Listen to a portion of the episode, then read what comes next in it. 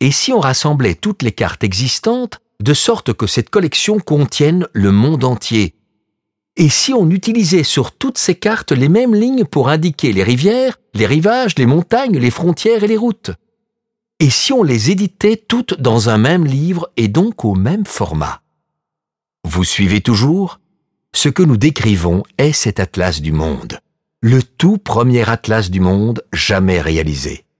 Il est édité dans cette maison en 1579 et il s'agit de l'ouvrage d'Abraham Ortelius, un ami de toujours de la famille qui travaille un temps ici en tant que coloriste de cartes.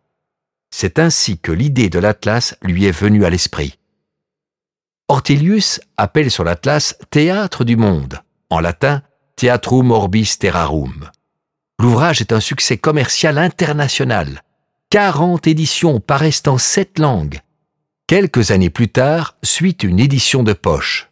Les clients peuvent aussi acheter des cartes séparément et ainsi composer leur propre atlas. De ce fait, bon nombre des atlas conservés sont des exemplaires uniques. Votre livre n'est pas cher, et nous pouvons l'emporter là où nous allons, écrit Gérard Mercator à Ortelius. Environ un demi-siècle plus tard, l'atlas de Mercator, qui se trouve aussi ici, va supplanter celui d'Ortelius sur le marché.